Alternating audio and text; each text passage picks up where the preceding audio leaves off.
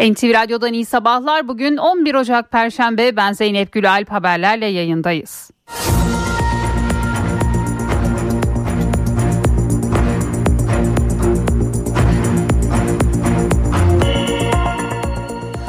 Liderlerin ve siyasi partilerin ana gündemlerini 31 Mart'taki yerel seçimler oluşturuyor. Cumhurbaşkanı Recep Tayyip Erdoğan Beştepe'de düzenlenen valiler buluşması toplantısında konuştu. Erdoğan seçim sürecinin demokratik olgunlukla bitirilmesi gerektiğini söyledi. Sandığa gölge düşürülmesine izin veremeyiz dedi. CHP'de aday belirleme çalışmaları sürüyor. Parti meclisi toplantısında altısı büyük şehir olmak üzere 242 seçim bölgesinde daha başkan adayları belirlendi. Parti sözcüsü Deniz Yücel, Antalya başta olmak üzere bazı seçim bölgelerinde adayların açıklanmasının sonraya bırakıldığını belirtti. Parti meclisi toplantısı gergin anlara da sahne oldu. İddiaya göre Mersin Milletvekili Hasan Ufuk Çakır, Mersin Mezitli'de Neşet Tarhan'ın aday gösterilmemesine tepki gösterdi. Çakır'ın bağırışları genel merkez merkezde yankılandı. Sözcü Yücel, Mersin milletvekilimiz parti meclisi salonuna girerek bir görüşünü ifade etmek istedi. Biz de uygun bir şekilde kendisini dışarı davet ettik. Olay bundan ibarettir açıklamasını yaptı. Milliyetçi Hareket Partisi 31 Mart yerel seçimleri için 14 il 41 ilçe olmak üzere 55 adayını açıkladı. Mersin ve Manisa büyükşehir adaylarını da belirleyen MHP geri kalan 28 büyükşehirde ise AK Parti'nin adaylarını destekleyecek. Ekonomi yönetimi memur emeklisi ile işçi emeklisi arasındaki zam farkının giderilmesi için çalışma yapıyor. Konuya ilişkin AK Parti Grup Başkanı Abdullah Güler'den açıklama var. Güler üzerinde çalışılıyor dedi. Önümüzdeki hafta yapılacak kabine toplantısını işaret etti. Yaklaşık 700 bin kamu işçisi ise ek zam istiyor. Türk İş ve Hak İş yetkilileri talepleri değerlendirmek üzere bir araya geldi. Hak İş Genel Başkanı Mahmut Arslan, toplu iş sözleşmesinde elde edilen haklar daha fazla erimesin diye 1 Ocak'tan itibaren geçerli olacak ek protokol talep edeceğiz dedi. Bu arada Türk Metal Sendikası ve Metal Sanayicileri İşverenleri Sendikası ile yürütülen toplu iş sözleşmesi sürecinde anlaşma sağlanamadı. Türk Metal Sendikası grev kararı aldı. Hatay ve Muğla'dan deprem haberleri geldi. 22.38'de Hatay'da 4,2 büyüklüğünde merkez üssü Samandağ ilçesi olan bir deprem oldu. Saat 00.40'ta da Datça açıklarında 4,3 büyüklüğünde bir deprem meydana geldi. Her iki depremde de bir hasar oluşmadı. Depremde 38 kişiye mezar olan Emek Apartmanı davasında tutuklu sanıklara tahliye kararı verildi. 9 sanığın yargılandığı davada aralarında eski Nurdağ Belediye Başkanı Ökkeş Kavağ'ın da bulunduğu 3 tutuklu sanık tahliye edildi. Kocaeli'nin Gölcük ilçesinde akşam saatlerinde inşaat için yapılan temel kazısı sonrası bitişikteki apartmanın bahçe kısmında toprak kayması oldu. 5 katlı apartman boşaltıldı. Binada yaşayan 12 kişiden bazıları yakınlarının evlerine giderken bazıları da Gölcük Belediyesi tarafından konaklayacakları misafirhanelere yerleştirildi. Trakya ve Marmara'nın batısında iki gündür kar ve tipi etkili. Tekirdağ, Edirne ve Çanakkale'de çok sayıda araç mahsur kaldı. Bazı köy ve mahallelere ulaşım sağlanamıyor. Ekvador'da hükümet uyuşturucu çeteleriyle mücadele ediyor. Çete üyelerinin devlet televizyonunu basması sonucu ülkede durum kontrolden çıktı.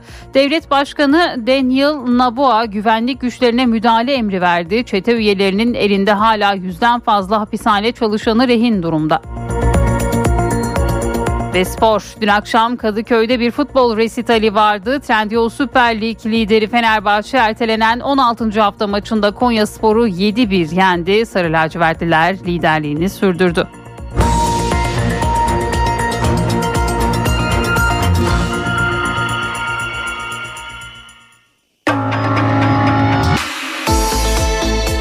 İşe giderken gazetelerin gündemi.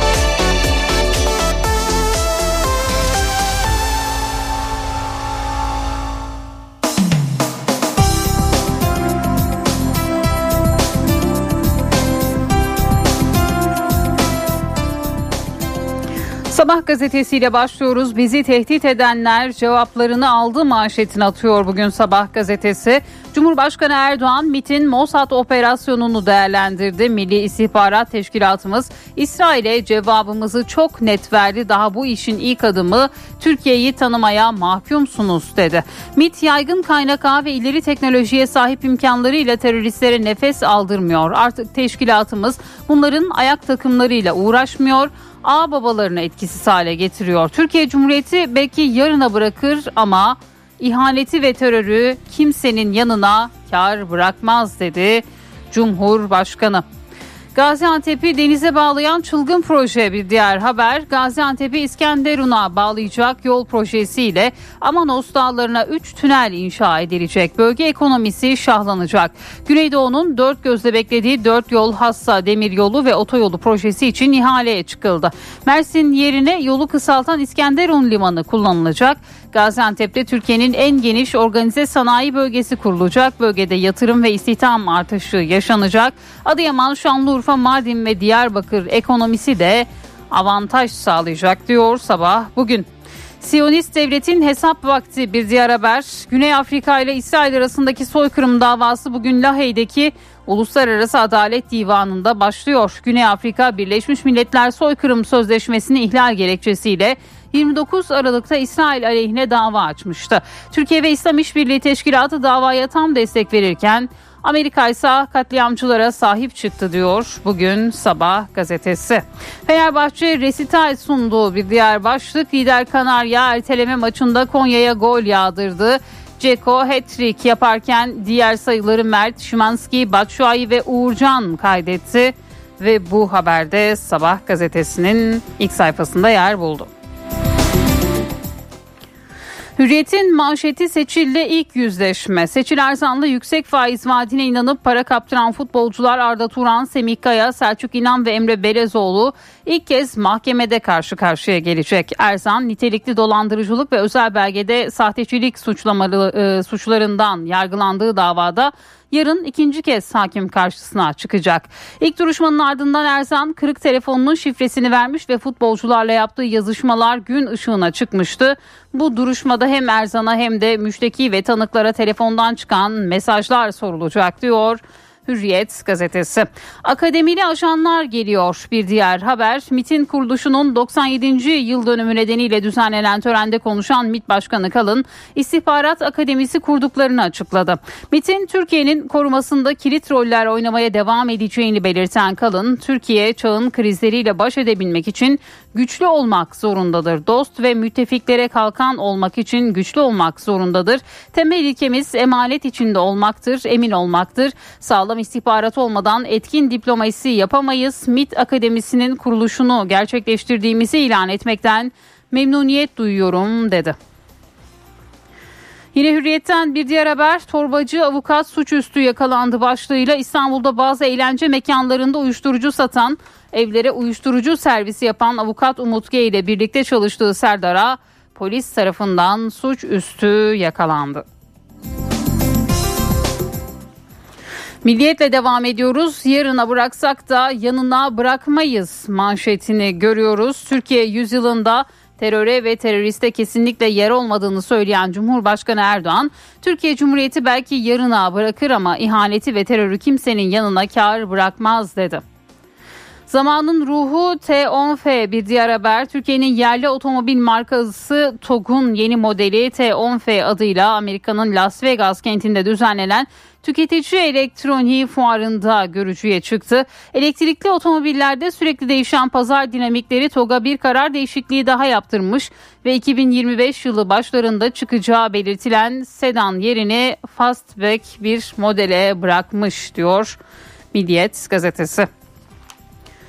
MHP 55 başkan adayını açıkladı. MHP 31 Mart seçimlerinde adaylıkları kesinleşen iki büyükşehir 12 il ve 41 ilçe belediye başkan adayı olmak üzere toplam 55 adayın ismini açıkladı. Manisa Büyükşehir Belediye Başkan adayı Cengiz Ergün, Mersin Büyükşehir Belediye Başkan adayı Serdar Soydan oldu. CHP'de gergin gece 4 büyük şehirde aday değişmedi bir diğer haber. CHP Parti Meclisi gece yarısına kadar süren toplantıda 6 büyük şehir ile bazı il ve ilçe belediye başkan adaylarını belirledi.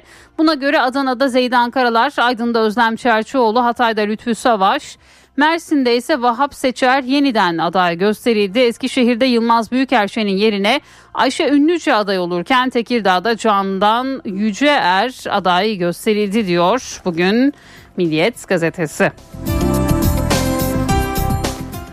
Yeni Şafak'la devam ediyoruz. Dur bakalım bu ilk adım manşetini görüyoruz. Cumhurbaşkanı Erdoğan Mossad hücrelerine yapılan operasyonların süreceği mesajını verdi.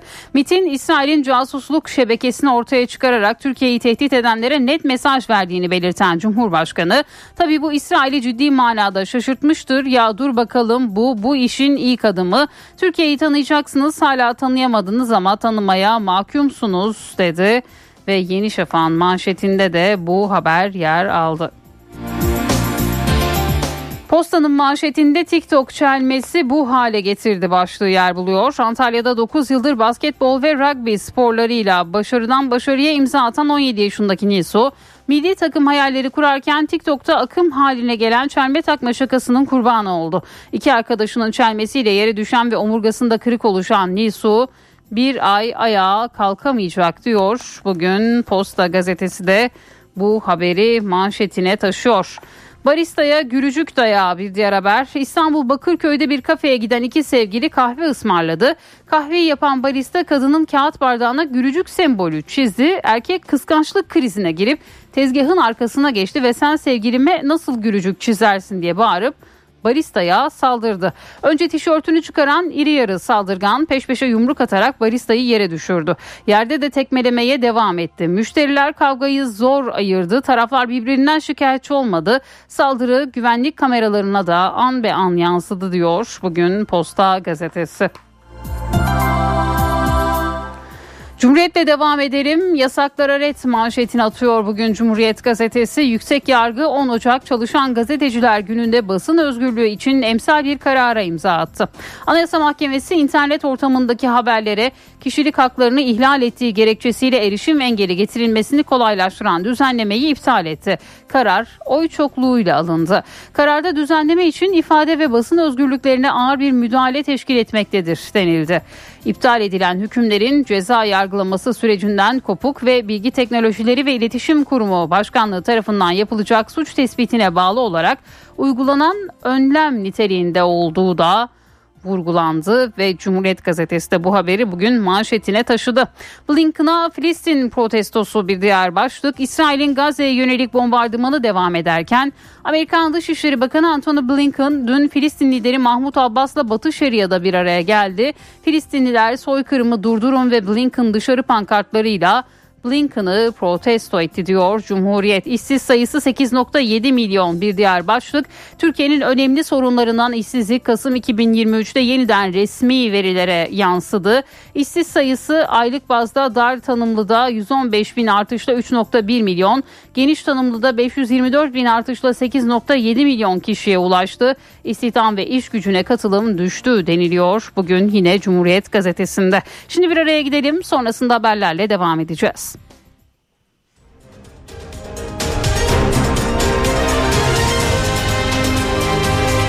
NTV Radyo Titanic Hotels köşedeki kitapçıyı sunar. Merhaba, ben Adnan Bostancıoğlu.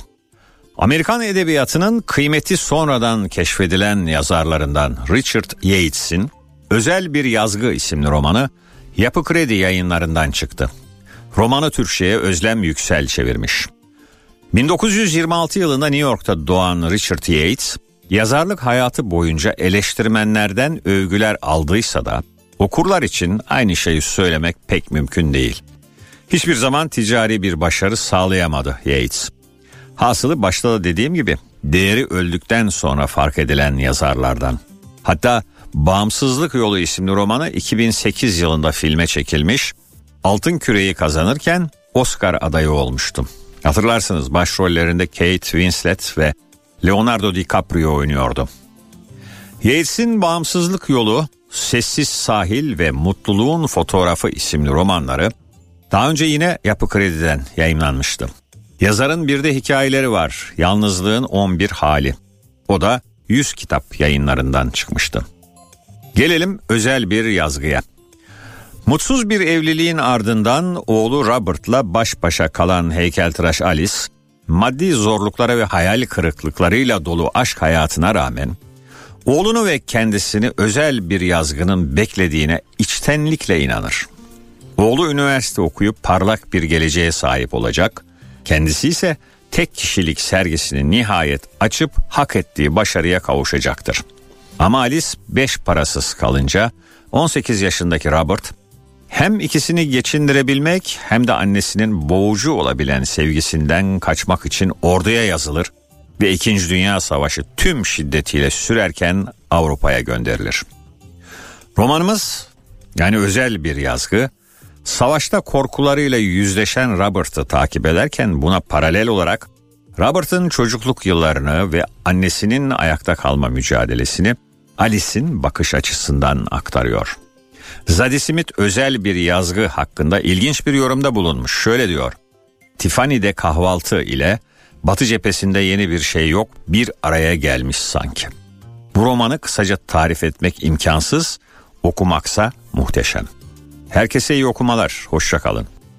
Titanic Hotels köşedeki kitapçıyı sundu.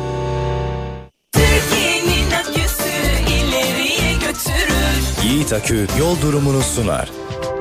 Karayolları Genel Müdürlüğü duyurdu. Trabzon Gümüşhane il sınırı Turul Gümüşhane yolunun 20-50. kilometrelerinde ve Ermenek Mut yolunun 13-14. kilometrelerinde yol bakım çalışmaları yapıldığından ulaşım kontrollü olarak sağlanıyor. Sürücüler dikkatli seyretmeli.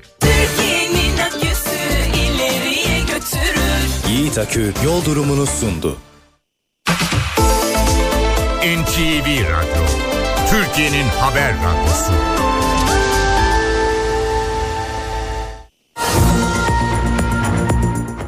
NTV Radyo'da haberleri aktarmayı sürdürüyoruz. Liderlerin ve siyasi partilerin ana gündemlerini 31 Mart'taki yerel seçimler oluşturuyor. Cumhurbaşkanı Recep Tayyip Erdoğan Beştepe'de düzenlenen valiler buluşması toplantısında konuştu. Erdoğan seçim sürecinin demokratik olgunlukla bitirilmesi gerektiğini söyledi. Sandığa gölge düşürülmesine izin veremeyiz dedi.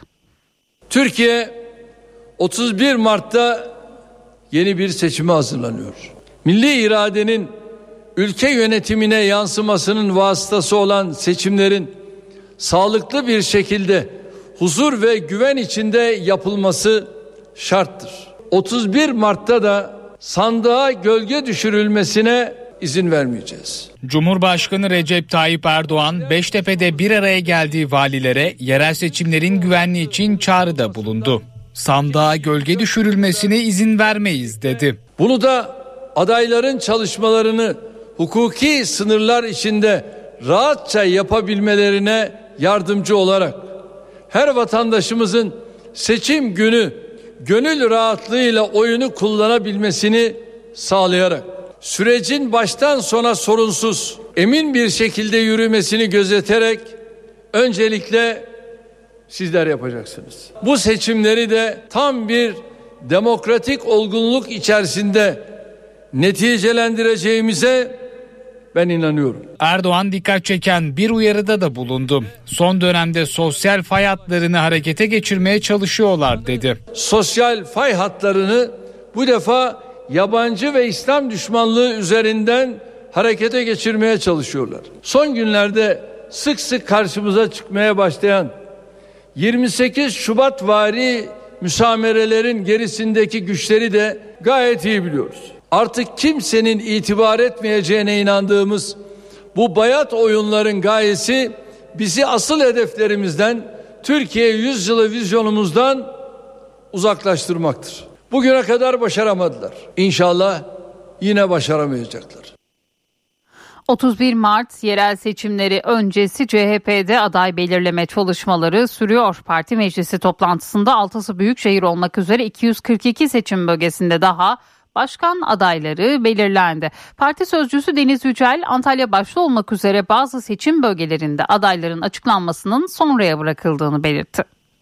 Toplam 242 seçim çevresinde belediye başkan adaylarımızı belirledik. CHP Genel Başkanı Özgür Özel başkanlığındaki parti meclisi toplantısında 6 Büyükşehir Belediye Başkanı daha belli oldu. Buna göre Adana'da Zeydan Karalar, Aydın'da Özlem Çerçioğlu, Mersin'de Vahap Seçer ve Hatay'da Lütfü Savaş yeniden aday gösterildi.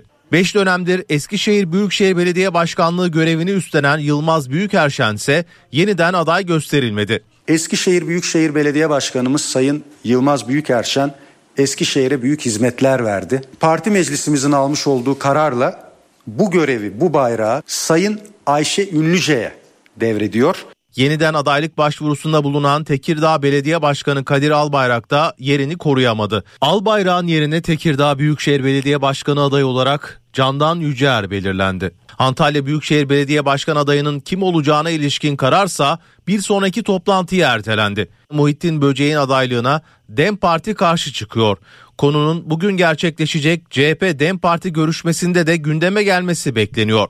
Toplantıda 15 il belediye başkan adayı da belli oldu. Aday gösterilen isimler arasında CHP Grup Başkan Vekili Burcu Köksal da vardı. Köksal Afyonkarahisar Belediye Başkan adayı olarak belirlendi. Parti meclisinde belirlenen ilçe belediye başkanları arasında en dikkat çeken isimse oyuncu Erdal Beşikçioğlu oldu. Etimeskut Belediye Başkan adayı olan Beşikçioğlu'nun adaylığına Ankara Büyükşehir Belediye Başkanı Mansur Yavaş'ın karşı çıktığı iddia edilmişti. İddialara parti sözcüsü Deniz Yücel yanıt verdi. Herhangi bir kriz söz konusu değil ama başka adaylar farklı iddialar ortaya koymuş olabilirler. Neticede bu görev bir kişiye tevdi ediliyor. Parti meclisi toplantısı gergin anlara da sahne oldu. İddiaya göre Mersin Milletvekili Hasan Ufuk Çakır, Mersin Mezitli'de Neşet Tarhan'ın aday gösterilmemesine tepki gösterdi. Çakır'ın bağırışları genel merkezde yankılandı. Mersin milletvekilimiz e, parti meclisi salonuna girerek e, bir görüşleri görüşünü ifade etmek istedi. Biz de uygun bir şekilde kendisini dışarı davet ettik. Olay bundan ibarettir. Milliyetçi Hareket Partisi 31 Mart yerel seçimleri için 14'ü il 41 ilçe olmak üzere 55 adayını açıkladı. Mersin ve Manisa büyükşehir adaylarını da belirleyen MHP geri kalan 28 büyükşehirde ise AK Parti'nin adaylarını destekleyecek. 2 büyük şehir, 12 il, 41 büyük şehir ilçesi. MHP 31 Mart yerel seçimleri için belediye başkan adaylarını açıkladı. AK Parti'nin destek vereceği iki büyük şehirden Mersin'de Serdar Soy'dan, Manisa'da ise mevcut başkan Cengiz Ergün aday gösterildi. Amasya'da Bayram Çelik, Bartın'da Hüseyin Fahri Fırıncıoğlu, Bayburt'ta Hükmü Pekmezci, Çankırı'da İsmail Hakkı Esen, Erzincan'da Bekir Aksun, Karabük'te Rafet Vergili, Karaman'da Savaş Kalaycı, Kastamonu'da Yüksel Aydın, Kütahya'da Alim Işık, Nevşehir'de Adnan Doğu, Niğde'de Hamdi Doğan MHP'nin adayı oldu. MHP lideri Devlet Bahçeli'nin memleketi Osmaniye'de ise mevcut başkan Kadir Kara yerine İbrahim Çenet aday gösterildi. 30 büyük şehrin 41 ilçesinde de MHP kendi adaylarıyla seçim yarışına girecek. İstanbul Beşiktaş'ta Serkan Toper, Silivri'de ise Volkan Yılmaz aday. Ankara'da 4 ilçede aday gösteren MHP, Etimeskut ve Gölbaşı ilçelerinde mevcut başkanlarla yola devam kararı aldı. Etimeskut'ta Enver Demirel, Gölbaşı'nda Ramazan Şimşek aday gösterildi. Polatlı'da Mürsel Yıldızkaya yerine Levent Çağlancı aday gösterilirken Kalecik adayı Erdal Dal oldu. Yüksek yargıda yaşanan yetki gerilimi siyasetin de gündeminde. CHP'nin Can Atalay için yaptığı olağanüstü toplantı çağrısı reddedilmişti. CHP Grup Başkan Vekili Gökhan Günaydın, Meclis Başkanı Numan Kurtulmuş'a tepki gösterdi. Kurtulmuş ise Türkiye İşçi Partisi Hatay Milletvekili Can Atalay'ın kesinleşmiş hükmünün genel kurulda okutulup okutulmayacağına ilişkin soruya yanıt verdi. Anayasa Mahkemesi'nin e, e, bu konuda vereceği kararın beklenmesi e, gerektiğini düşündüğüm için e, bunu mecliste okutmadım. Ama burada e, meselenin bir şekilde e, halledilmesi lazım. Zaman içerisinde bunu e, bu uygulamayı ortaya koyarız. Meclis Başkanı Numan Kurtulmuş, Türkiye İşçi Partisi Hatay Milletvekili Can Atalay'ın kesinleşmiş hükmünün genel kurulda okutulup okutulmayacağına ilişkin soruya bu sözlerle yanıt verdi. Anayasa Mahkemesi ile Yargıtay arasında yaşanan yetki gerilimini ise meclis hukuki bir tartışmanın tarafı değildir sözleriyle değerlendirdi. İki e, yargı kurumu arasındaki bu tartışmanın tarafı olmaması için Türkiye Büyük Millet Meclisi'nin gayret sarf ettik. Türkiye Büyük Millet Meclisi gündemine hakimdir. e, ve bu anlamda da e, e, gerekli adımları atar. Yargıtay Anayasa Mahkemesi'nden Can Atalay için çıkan ikinci hak ihlali kararına da uymayınca CHP meclisin olağanüstü toplantısı için çağrıda bulunmuş ancak meclis başkanı o çağrıya olumsuz yanıt vermişti. CHP Grup Başkan Vekili Gökhan Günaydın bu karar nedeniyle kurtulmuşa tepki gösterdi. Bu meseleyi bir Can Atalay meselesi olmanın çok ötesinde bir boyuta taşıdı. 14 Mayıs 2023'ten beri milletvekili olan bir arkadaşımızın mecliste değil de Silivri'de olması hepimizin içini acıtmalıdır. En çok da meclis başkanının içini acıtmalıdır. Türkiye'de anayasal yargı rafa kaldırıldı ve herkesin kişi güvenliği ihlal edilir hale geldi. İyi Parti Grup Başkan Vekili Müsavat Dervişoğlu da yargıya seslendi. Çiğnenen de Türkiye Cumhuriyeti Devleti'nin anayasasıdır. Anayasanın çiğnendiği yerde adalet duygusu doğal olarak zedelenir. Türkiye'de yasama görevini yerine getiren Türkiye Büyük Millet Meclisi'ne de e, kimse e, dayatma yapmak, yol göstericilikte bulunmak hakkına sahip değildir. Eğer köşeli bir cümle istiyorsanız herkes haddini bilmelidir. Anayasa Mahkemesi internet yayınlarında kişilik haklarını ihlal gerekçesiyle içerik çıkarılması ya da erişimin engellenmesine izin veren düzenlemeyi iptal etti. Mahkeme 5651 sayılı yasanın 9. maddesini iptal etti. O madde internet ortamında özel hayatın gizliliğinin ihlal edildiğini iddia eden kişiler kuruma doğrudan başvurarak içeriye erişimin engellenmesini isteyebilir hükmünü içeriyordu. Anayasa Mahkemesi gerekçesinde düzenlemenin bu haliyle ifade ve basın özgürlüğüne müdahale anlamına geldiğini belirtti. Mahkeme ayrıca suç şüphelisi halinde e, BTK'ya resen içeriğin çıkarılması ya da engellenmesi yetkisi verilmesine yönelik düzenlemeyi de iptal etti. Ekonomi yönetimi memur emeklisi ile işçi emeklisi arasındaki zam farkının giderilmesi için çalışma yapıyor. Konuya ilişkin AK Parti Grup Başkanı Abdullah Güler'den bir açıklama geldi. Güler üzerinde çalışılıyor dedi. Önümüzdeki hafta yapılacak kabine toplantısını işaret etti. Asgari ücret artırıldığı için e, ilan edilen bir işveren desteğimiz vardı 700 liraya çıkartılması ve kısa çalışma ödeneği ve diğer hususlarla ilgili bir paket 7-8 maddelik paket e, kanun teklifimiz vardı ona çalışıyoruz. Onun içerisinde tabii değerlendirilir. E, tabii bunların e, önemli olan bütçe imkanlarını da karşılamaktır. Yani sadece bir oranın belirlenmesi e, ve artışın ortaya çıkması değil bu bütçeyi de ortaya koymamız lazım. E, şu anda bakanlığımız çalışıyor. Bugün bir ön görüşme yaptık. İnşallah önümüzdeki haftaya kadar neticelenirse Bakanlar Kurulu'nda e, değerlendirilir. Sonra bizim kanun teklifimizi de e, koruz. Yani belki üçüncü haftamızda falan e, bunu da netleştirmiş oluruz. Emeklilikte yaşa takılanlar, düzenlemesini kıl payı kaçıranlar var. Bir süredir onların emekli olmasını sağlayacak bir çalışma olduğu iddia ediliyordu. Profesör Doktor Cem Kılıç NTV yayınında bu konuya dair konuştu. Kılıç böyle bir çalışma yok dedi. Bu çıkan haberler e, karşısında hatta o kadar detay var ki işte prim günü sigortalılık süresi yaş vesaire e, ben de e, şüphe ettiğim için bunu Ankara'da da bulunduğumuz için ilgili kamu bürokratlarına elbette ki sordum. Öyle bir çalışma olmadığını ifade ettiler. Farklı kaynaklara sordum. Onlardan da aynı cevabı aldım, teyidi aldım. Şu an için böyle bir çalışma bulunmuyor. Yani bir e, torba yasa çalışması içerisine girecek şekliyle bir e, madde teklifi e, işte yaş, prim, sigortalılıkla ilgili bir e, düzenleme hali hazırda söz konusu değil. Yani SGK da e, bu bağlamda herhangi bir açıklama yapmadı. E, bu tip haberler e, özellikle vatandaşın çok ilgisini çektiği için tabii ki e, medyada hızla yayılıyor. Ama benim burada üzüntüm özellikle e, vatandaşların e, bir anlamda boş yere heyecanlanması, e, ümit içerisine, umut içerisinde olmaları. E, şu an haberlerde çıktığı kadarıyla medyada yer aldığı e, şekliyle bugün yarın bir torba yasa vesaire bu söz konusu değil. NTV Radyo Milli Savunma Bakanlığı'ndan yapılan açıklamaya göre Irak'ın kuzeyinde devam eden Pençe Kilit operasyonunda iki PKK'lı terörist etkisiz hale getirildi. Suriye'nin kuzeyinde ise Zeytin Dalı Harekat Bölgesi'ne saldırı girişiminde bulunan 5 terörist öldürüldü.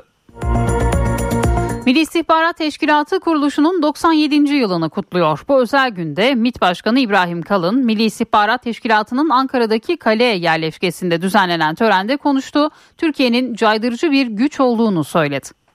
Haksız hiçbir eylem karşılıksız bırakılmayacaktır. Devlete ve millete yapılan hiçbir ihanet cezasız kalmayacaktır. Türkiye son yıllarda caydırıcı ve önleyici bir güç merkezi olmak için kuantum sıçraması yapmış ve tüm ezberleri bozmuştur. İbrahim Kalın MİT başkanlığına atandıktan sonra kamera karşısında ilk mesajlarını Milli İstihbarat Teşkilatı'nın kuruluşunun 97. yılı dolayısıyla düzenlenen törende verdi. Temel ilkemiz şudur. Sahada ve masada kazanmak önemlidir ama aynı şekilde önemli olan gerçek ve kalıcı zafer zihinleri ve gönülleri kazanmaktır. Kalın Ukrayna-Rusya savaşı ve İsrail'in Gazze'ye yönelik saldırılarından örnekler vererek batılı ülkeleri ve uluslararası kuruluşları da eleştirdi. Ortaya koydukları kurallara kendileri uymayarak uluslararası düzeni tehdit ediyorlar dedi. ABD-Çin çatışması uyarısı da dikkat çekti. Önümüzdeki 10 yıllarda ABD-Çin rekabetinin Asya merkezli ve küresel bir çatışmaya dönüşmesi sürpriz olmayacaktır. Hali hazırda Ukrayna üzerinden devam eden Rusya-Batı hesaplaşması mukadder olan Çin-Batı hesaplaşmasını ortadan kaldırmıyor, sadece erteliyor. MİT Başkanı Kalın yapay zeka konusunda da uyardı. Yapay zeka çağımızın adeta dijital atom bombasıdır. Her türlü manipülasyona da açık bir mahiyet arz etmektedir. Sınırı ve çerçevesi çizilmemiş yapay zeka çalışmaları insanlığın geleceğini doğrudan tehdit etme potansiyeline sahiptir. Kalın Milli İstihbarat Akademisi kurulduğunu da açıkladı. Akademinin ilk raporunu batıda yükselen aşırı sağ hareketler üzerine hazırladığını söyledi. Bu durumun demokrasiler için ciddi bir tehdit oluşturduğunu vurguladı. 97. kuruluş yılı dolayısıyla Milli İstihbarat Teşkilatı Müzesi'nin açılışı da gerçekleştirildi. Müzede MIT'in kuruluşundan itibaren yaşadığı değişim Türkiye'de ve bölgede öne çıkan gelişmelerle anlatılıyor. Müzeden bir seçki 19 Ocak'ta İstanbul Atatürk Kültür Merkezi'nde Temas İstanbul adıyla halkla buluşturulacak.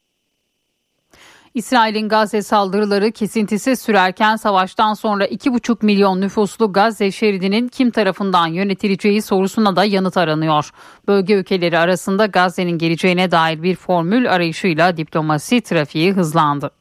Savaşın dördüncü ayında Gazze'nin geleceği belirsizliğini koruyor. Amerika Birleşik Devletleri Dışişleri Bakanı Antony Blinken 7 Ekim'den bu yana dördüncü kez bölgeyi ziyaret etti.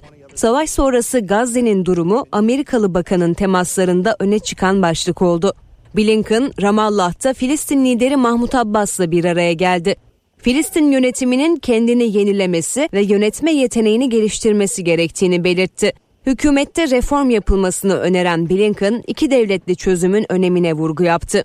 Biden hükümeti Filistin yönetiminin reformdan geçirilip Gazze'nin kontrolünü almasını istiyor. Ancak İsrail Başbakanı Benjamin Netanyahu bağımsız Filistin devleti için müzakere masasına dönmeye niyetli görünmüyor. Blinken'ın temaslarını Bahreyn'de sürdürdüğü sırada Ürdün Kralı Abdullah, Mısır ve Filistin liderlerini Akabe şehrinde ağırladı. Toplantı sonrası yapılan ortak açıklamada ateşkes için İsrail üzerindeki baskının arttırılması gerektiği kaydedildi. Açıklamada liderler savaştan sonra Batı Şeria ve Gazze'nin ayrıldığı bir planı reddedeceklerini de belirtti.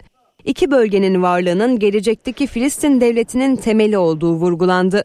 Daha önce Hamas, Batı Şeria ve Gazze'nin tek yönetim altında toplanması fikrine açığız açıklaması yapmıştı.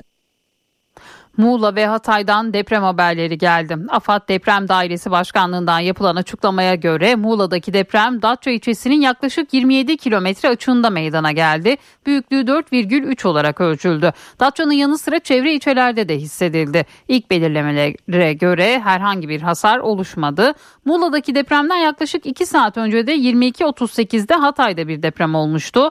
4,2 büyüklüğündeki depremin merkez üssü Samandağ ilçesiydi. Depremin ardından yapılan kontrollerde herhangi bir hasar oluşmadığı tespit edildi. Gaziantep'te 6 Şubat depremlerinde yıkılan emek apartmanı ile ilgili dava başladı. Davanın 3'ü tutuklu 9 sanığı vardı. Haklarında 22 yıl 6'şar aya kadar hapis cezası istenen sanıklar İslahiye Ağır Ceza Mahkemesi'nde hakim karşısına çıktı. Savunmaların ardından mahkeme heyeti ara kararı açıkladı. Eski Nurdağ Belediye Başkanı Ökkeş Kavağı'nda da bulunduğu 3 tutuklu sanık tahliye edildi. Emek apartmanında 38 kişi hayatını kaybetmişti. Trakya ve Marmara'nın batısında iki gündür kar ve tipi etkili. Tekirdağ, Edirne ve Çanakkale'de çok sayıda araç mahsur kaldı. Bazı köy ve mahallelere ulaşım sağlanamıyor. Kar ve tipi nedeniyle yollar kapandı. Mahsur kalanlar saatler sonra kurtarıldı. Çıkamıyorduk. Sağ olsunlar zincir takmamıza yardımcı oldular. Ve sıkıntı çözüldü. Yolumuza devam edebileceğiz. Çanakkale'de kar kalınlığı yarım metreye yaklaştı. Tipi ve buzlanma nedeniyle Biga Balıkesir karayolunda araçlar mahsur kaldı. 2 saatlik çalışma sonucu yol yeniden ulaşıma açıldı. Kar nedeniyle Çanakkale'de şehir merkezi ve 6 ilçede okullar tatil edildi. Çanakkale 18 Mart Üniversitesi'nde de eğitime bir gün ara verildi. Şehrin yüksek kesimlerinde etkili olan kar nedeniyle 46 köyle irtibat sağlanamıyor. Balıkesir'de iki gündür devam eden kar zaman zaman tipiye dönüşüyor. Marmara Adası'nda kar kalınlığı yaklaşık 40 santimetreye ulaştı. Mahsur kalan araçlar belediye ekiplerince kurtarıldı. Marmara Saraylar Karayolu'nda e, gördüğünüz gibi Topaç'tan sonraki alanda ciddi anlamda bir karlanma var.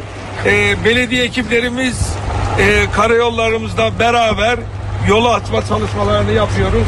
Okulların tatil edildiği Tekirdağ'da hava sıcaklığı sıfırın altında bir derece ölçüldü. Süleymanpaşa ilçesinde tipi nedeniyle görüş mesafesi zaman zaman 10 metreye kadar düştü. Jandarma ekipleri ağır tonajlı araçları dinlenme tesislerine yönlendirdi. Şehir genelinde 10 mahalle yolu ulaşıma kapalı. Ekipler ana arterlerde yolların kapanmaması için yoğun çaba gösteriyor. Eğitime ara verilen Edirne'de ise kar yerini dondurucu soğuğa bıraktı. Süs havuzları, cadde ve yollar buz tuttu. Sürücüler trafikte zor anlar yaşadı. Uzay çalışmaları açısından üst üste olumsuz gelişmeler yaşanıyor. Özel bir şirketin Ay'a indirmeyi planladığı ilk uzay aracı teknik arıza sebebiyle başarısızlığa mahkum oldu. NASA da Ay yüzeyine yeniden astronot indirme planını 2026'ya erteledi. And liftoff of Artemis 1. Hazır olmadığımız sürece fırlatma gerçekleşmeyecek. Amerikan Havacılık ve Uzay Dairesi NASA 50 yıl aradan sonra Ay'a gerçekleştirilecek insanlı uçuşları bir yıl erteledi. Açıklama kurumun yöneticisi Bill Nelson'dan geldi. Gecikmenin yaşam destek sistemi ve ısı kalkanının üretiminde yaşanan sorunlardan kaynaklandığı ifade ediliyor. Astronotların uzay boşluğunda hayatta kalmasını sağlayacak yaşam destek sisteminin elektronik aksamının gözden geçirildiği vurgulandı. 2022'de yapılan Artemis 1 uçuşunda hasar gören ısı kalkanı da güçlendirilecek. Ay'a iniş aracı da henüz hazır değil. Orion kapsülüyle dünyadan Ay'a gidecek astronotlar Ay yörüngesinden yüzeye inmek için SpaceX'in Ay inişi için modifiye ettiği Starship HLS aracını kullanacak. Ancak önce uzay aracının tüm testlerinin tamamlanması, fırlatmanın ardından yaklaşık 10 tanker gemiyle uzayda yakıt ikmali yapılması ve nihayet aracın ay yörüngesine sorunsuzca ulaşması gerekiyor. Starship'in hazır olmadığını vurgulayan SpaceX ilk uçuşların insansız yapılmasını önermişti. Riskleri en aza indirmek istediklerini vurgulayan NASA yetkilileri Artemis 3 görevi ve ay yüzeyine iniş planlarını bir yıl erteleyerek Eylül 2026'ya öteledi. Bu yıl içinde ay çevresinde uçuş gerçekleştirmeleri planlanan astronot ekibi de 2025'e kadar beklemek zorunda kalacak. Son olarak Astrobotics firmasının Ay'a inmesi planlanan aracında teknik arıza yaşanmıştı. Fırlatmadan saatler sonra gerçekleşen motor arızası sebebiyle Peregrine adlı aracı Ay'a inemeyecek. Şirketin geliştirdiği düşük maliyetli uzay araçlarıyla Ay misyonu için kargo taşımaları hedefleniyor.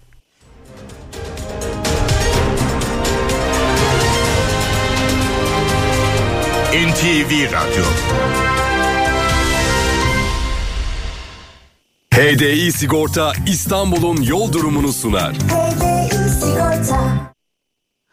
İstanbul'da şu dakika itibariyle trafikte yoğunluk haritası %45'i gösteriyor. Anadolu'dan Avrupa'ya geçişte 15 Temmuz Şehitler Köprüsü'ne giderken Libadiye bağlantı yolu Beylerbeyi arasında yoğunluk başlamış durumda. Fatih Sultan Mehmet Köprüsü'ne giderken de Kavacık FSM yönünde bir araç arızası var. Ataşehir Kavacık arasında da bu nedenle bir yoğunluk gözleniyor. Her iki köprüde de Anadolu'dan Avrupa'ya geçişte yoğunluk söz konusu. Avrasya Tüneli ise çift taraflı açık Avrupa yakasına gelindiğinde E5'te Avcılar ve Cevizli Bağ'da aralıklı sabah yoğunluğu gözleniyor. Tem'de ise Bahçeşehir Altınşehir arası yoğun iyi yolculuklar. HDI Sigorta İstanbul'un yol durumunu sundu. Üstün Alman teknolojisiyle üretilen Düfa Boya spor haberlerini sunar.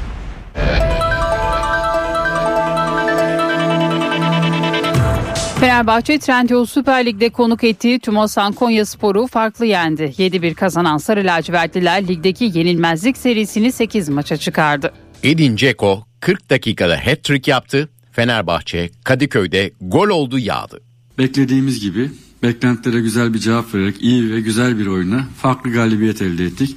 Sarı lacivertler Trendyol Süper Lig'in ertelenen 16. hafta maçında Tümosan Konya Sporu 7-1 mağlup etti. Puanını 50'ye çıkararak zirvedeki yerini de korudu. Karşılaşmaya fırtına gibi başlayan Fenerbahçe'de Edin Dzeko 11. 32. ve 40. dakikalarda ağları sarstı. 42. ve 44. dakikalarda Mert Müldür ve Şimanski'nin attığı gollerle skoru 5-0'a taşıdı. 63'te Batshuayi 6. golü atarken 83'te Uğurcan Yazgılı kendi kalesine attığı golle farkı 7'ye çıkardı. 90. dakikada ise Konya Spor adına ağları sarsan Gilerme maçın skorunu tayin etti. Karşılaşmayı Fenerbahçe'nin transferi için İstanbul'a getirdiği yıldız futbolcu Leonardo Bonucci de takip etti. Teknik direktör İsmail Kartal İtalyan savunmacıyı neden tercih ettiklerini açıkladı. Hem ekonomik anlamda hem Bonucci'nin kariyeri ve tecrübesi anlamında Bonucci'nin bize daha faydalı olabileceğini düşündük ve böyle bir karar alarak Bonucci'ye evet dedik. Fenerbahçe kaptanı Edin Dzeko Süper Lig'de 16 golle krallık yarışında zirvede yer alıyor. Bosnalı golcü ana hedefinin takım başarısı olduğunun altını çizdi. Ben Fenerbahçe'ye bireysel hedeflerimi gerçekleştirmek için gelmedim. Beni tanıyan insanlar bilir. Benim için ana hedef takımın başarısı. Farklı kulvarlarda oynuyoruz ve takım olarak tüm kulvarlarda başarılı olmayı hedefliyoruz. İsmail Kartal'ın ekibi ligde sıradaki maçında pazar günü Gaziantep Futbol Kulübü'ne konuk olacak. Karşılaşma saat 19'da başlayacak. Trendyol Süper Lig'de 16. hafta heyecanı bugün oynanacak maçlarla devam edecek. Alınan sonuçlar ve haftanın programı şöyle. Alanya Spor 1, Ankara Gücü 1, Pendik Spor 0, Antalya Spor 1, Kasımpaşa 0, Başakşehir 3, Çaykur Rizespor 0, Beşiktaş 4, Hatay Spor 0, Gaziantep 0, Fatih Karagümrük 4, Kayseri Spor 1, Adana Demirspor 2, İstanbul Spor 2, Fenerbahçe 7, Konya Spor 1. Bugün saat 17'de Galatasaray Sivas Spor'la karşılaşacak. Saat 20'de ise Trabzonspor Samsun Spor maçı var. Beşiktaşlı futbolcular Fernando Santos yönetimindeki ilk antrenmanını yaptı. Yönetici Feyyaz Uçar da yeni planlamayla ilgili bilgi verdi. Beşiktaş'ta Valentine Rozier ve Vincent Abu Bakar hakkında kadro dışı kararı sürüyor. Uçar kadro dışı kalan futbolcularla ilgili kararın Santos'a ait olduğunu söyledi. Beşiktaş yeni teknik adamı yönetimindeki ilk maçına cumartesi günü çıkacak. Siyah beyazlılar Fatih Karagümrük'ü konuk edecek. Futbolda transfer heyecanı başlıyor. Kulüpler bugünden itibaren kadrolarını güçlendirebilecek. Bugün başlayan ara transfer dönemi 9 Şubat Cuma günü sona erecek. Birçok kulüp şimdiden oyuncularla anlaşma sağladı. Resmi sözleşmelerin federasyona bildirilmesiyle bu futbolcular yeni takımlarında forma giyebilecek. Birinci transfer dönemi 15 Eylül'de tamamlanmıştı. Dayanıklı, kolay sürülen, kapatıcılığı yüksek Düfa Boya spor haberlerini sundu. Saat 8 Türkiye ve Dünya gündeminde bu saate kadar neler olduğuna bir haber turuyla bakalım. Liderlerin ve siyasi partilerin ana gündemlerini 31 Mart'taki yerel seçimler oluşturuyor. Cumhurbaşkanı Recep Tayyip Erdoğan Beştepe'de düzenlenen valiler buluşması toplantısında konuştu. Erdoğan seçim sürecinin demokratik olgunlukla bitirilmesi gerektiğini söyledi. Sandığa gölge düşürülmesine izin veremeyiz dedi. CHP'de aday belirleme çalışmaları sürdü. Parti meclis toplantısında 6'sı büyükşehir olmak üzere 242 seçim bölgesinde daha başkan adayları belirlendi. Parti sözcüsü Deniz Yücel, Antalya başta olmak üzere bazı seçim bölgelerinde adayların açıklanmasının sonraya bırakıldığını belirtti. Parti meclisi toplantısı ise gergin anlara sahne oldu. İddiaya göre Mersin Milletvekili Hasan Ufuk Çakır, Mersin Mezitli'de Neşet Tarhan'ın aday gösterilmemesine tepki gösterdi. Çakır'ın varışları genel merkezde yankılandı. Sözcü Yücel, Mersin Milletvekilimiz parti meclisi salonuna girerek bir görüşünü ifade etmek istedi. Biz de uygun bir şekilde kendisini dışarı davet ettik. Olay bundan ibarettir açıklamasını yaptı. Milliyetçi Hareket Partisi 31 Mart yerel seçimleri için 14'ü il 41 ilçe olmak üzere 55 adayını açıkladı. Mersin ve Manisa büyükşehir adaylarını da belirleyen MHP geri kalan 28 büyükşehirde ise AK Parti'nin adaylarını destekleyecek. Ekonomi yönetimi memur emeklisi ile işçi emeklisi arasındaki zam farkının giderilmesi için çalışma yapıyor. Konuya ilişkin AK Parti Grup Başkanı Abdullah Güler'den bir açıklama var. Güler üzerinde çalışılıyor dedi. Önümüzdeki hafta yapılacak kabine toplantısını işaret etti. Yaklaşık 700 bin kamu işçisi ise ek zam istiyor. Türk İş ve Hak İş yetkilileri talepleri değerlendirmek üzere bir araya geldi. Hak İş Genel Başkanı Mahmut Arslan toplu iş sözleşmesinde elde edilen haklar daha fazla erimesin diye 1 Ocak'tan itibaren geçerli olacak ek protokol talep edeceğiz dedi. Bu arada Türk Metal Sendikası ve Metal Sanayicileri İşverenleri Sendikası ile yürütülen toplu iş sözleşmesi sürecinde anlaşma sağlanamadı. Türk Metal Sendikası grev kararı aldı. Hatay ve Muğla'dan deprem haberleri geldi. 22.38'de Hatay'da 4,2 büyüklüğünde merkez üssü Samandağ ilçesi olan bir deprem oldu. Saat 00.40'da da Datça açıklarında 4,3 büyüklüğünde bir deprem meydana geldi. Her iki depremde de bir hasar oluşmadı. 6 Şubat depreminde 38 kişiye mezar olan Emek Apartmanı davasında tutuklu sanıklara tahliye kararı verildi. 9 sanığın yargılandığı davada aralarında eski Nurdağ Belediye Başkanı Ökkeş Kavağ'ın da bulunduğu 3 tutuklu sanık tahliye edildi. Kocaeli'nin Gölcük ilçesinde akşam saatlerinde inşaat için yapılan temel kazısı sonrasında bitişikteki apartmanın bahçe kısmında toprak kayması oldu. 5 katlı apartman boşaltıldı. Binada yaşayan 12 kişiden bazıları yakınlarının evlerine giderken bazıları da Gölcük Belediyesi tarafından konaklayacakları misafirhanelere yerleştirildi. Trakya ve Marmara'nın batısında iki gündür kar ve tipi etkili. Tekirdağ, Edirne ve Çanakkale'de çok sayıda araç mahsur kaldı. Bazı köy ve mahallelere ulaşım sağlanamıyor. Ekvador'da hükümet uyuşturucu çeteleriyle mücadele ediyor. Çete üyelerinin devlet televizyonunu basması sonucu ülkede durum kontrolden çıktı. Devlet Başka, Devlet Bakanı Daniel Noab'a güvenlik güçlerine müdahale emri verdi. Çete üyelerinin elinde hala yüzden fazla hapishane çalışanı rehin durumda. Ve spor dün akşam Kadıköy'de bir futbol resitali vardı. Trendyol Süper Lig lideri Fenerbahçe ertelenen 16. hafta maçında Konya Sporu 7-1 yendi. Sarı lacivertliler liderliğini sürdürdü.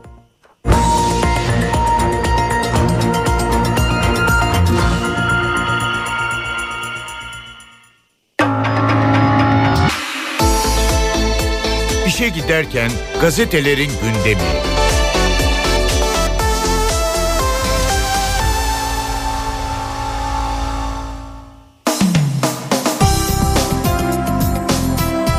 Sabahla başlıyoruz. Bizi tehdit edenler cevaplarını aldı manşetini atıyor bugün Sabah gazetesi. Cumhurbaşkanı Erdoğan MIT'in Mossad operasyonunu değerlendirdi.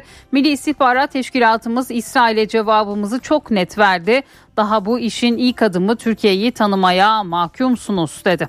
MIT yaygın kaynak ağ ve ileri teknolojiye sahip imkanlarıyla teröristlere nefes aldırmıyor. Artık teşkilatımız bunların ayak takımlarıyla uğraşmıyor. Ağ babalarını etkisi hale getiriyor. Türkiye Cumhuriyeti belki yarına bırakır ama ihaneti ve terörü kimsenin yanına kar bırakmaz. Türkiye'nin başta Gazze'deki katliamlar olmak üzere bölgesel krizlerde sergilediği dik duruşun birilerinin hesaplarını bozduğunun farkındayız. Türkiye küresel satranç tahtasında oyun kurucu bir aktör olarak müessir güç konumunu dün, günden güne pekiştirmektedir diye konuştu.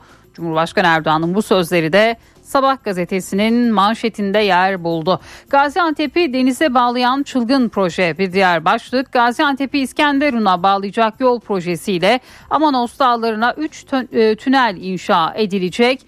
Bölge ekonomisi şahlanacak. Güneydoğu'nun dört gözle beklediği dört yol hassa demir yolu ve otoyolu projesi için ihaleye çıkıldı. Mersin yerine yolu kısaltan İskenderun Limanı kullanılacak.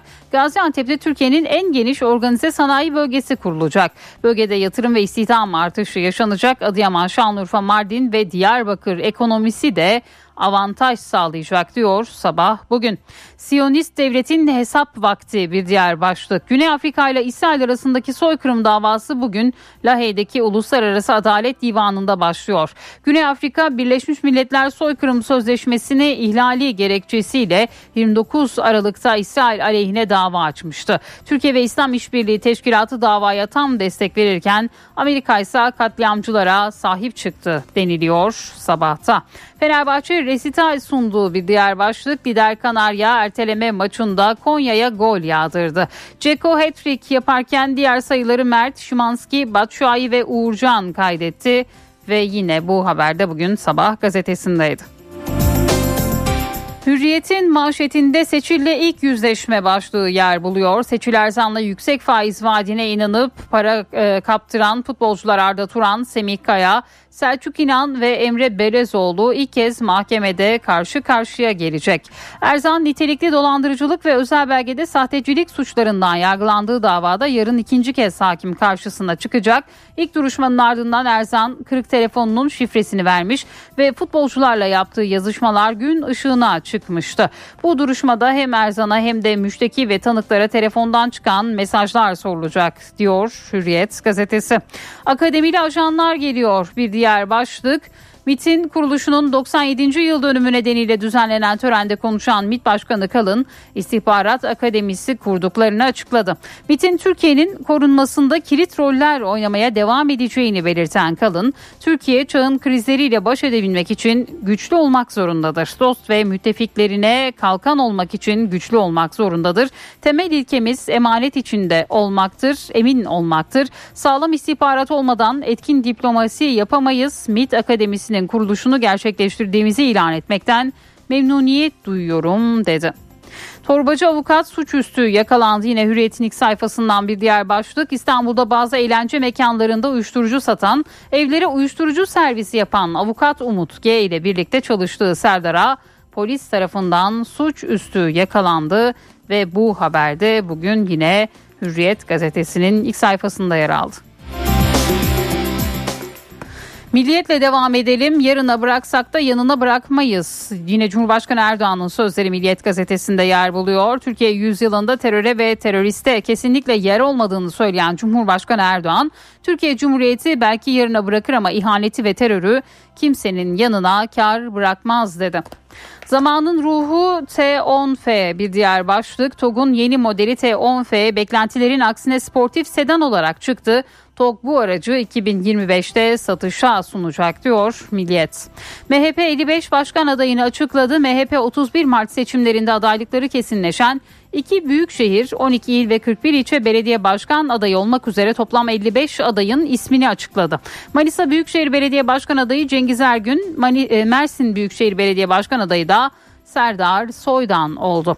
CHP'de gergin gece 4 büyük şehirde aday değişmedi bir diğer haber milliyetten. CHP Parti Meclisi gece yarısına kadar süren toplantıda 6 büyük şehirle bazı il ve ilçe belediye başkan adaylarını belirledi.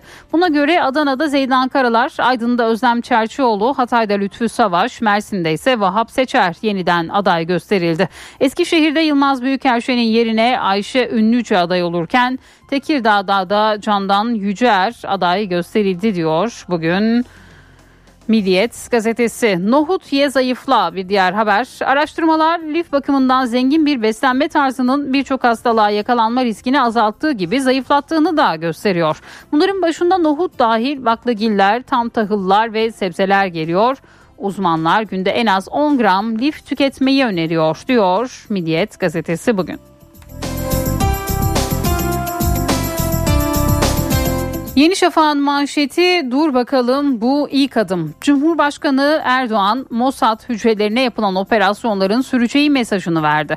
MIT'in İsrail'in casusluk şebekesini ortaya çıkararak Türkiye'yi tehdit edenlere net mesaj verdiğini belirten Erdoğan, tabii bu İsrail'i ciddi manada şaşırtmıştır. Ya dur bakalım Bu bu işin ilk adımı. Türkiye'yi tanıyacaksınız. Hala tanıyamadınız ama tanımaya mahkumsunuz diye konuştu. Emekliye oransal zam hazırlığı bir diğer başlık Yeni Şafak gazetesinden AK Parti Grup Başkanı Abdullah Güler SSK ve Bağkur emekli aylıklarının oransal artışla iyileştirileceğini söyledi. Güler etki analizler ve bütçe imkanları doğrultusunda oransal artış değerlendirmesi yapılıyor dedi.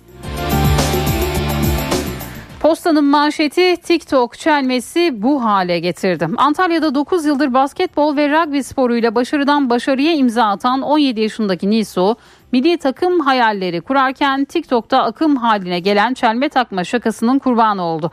İki arkadaşının çelmesiyle yere düşen ve omurgasında kırık oluşan Nisu, bir ay ayağa kalkamayacak diyor posta manşetinden. Baristaya gülücük dayağı bir diğer başlık.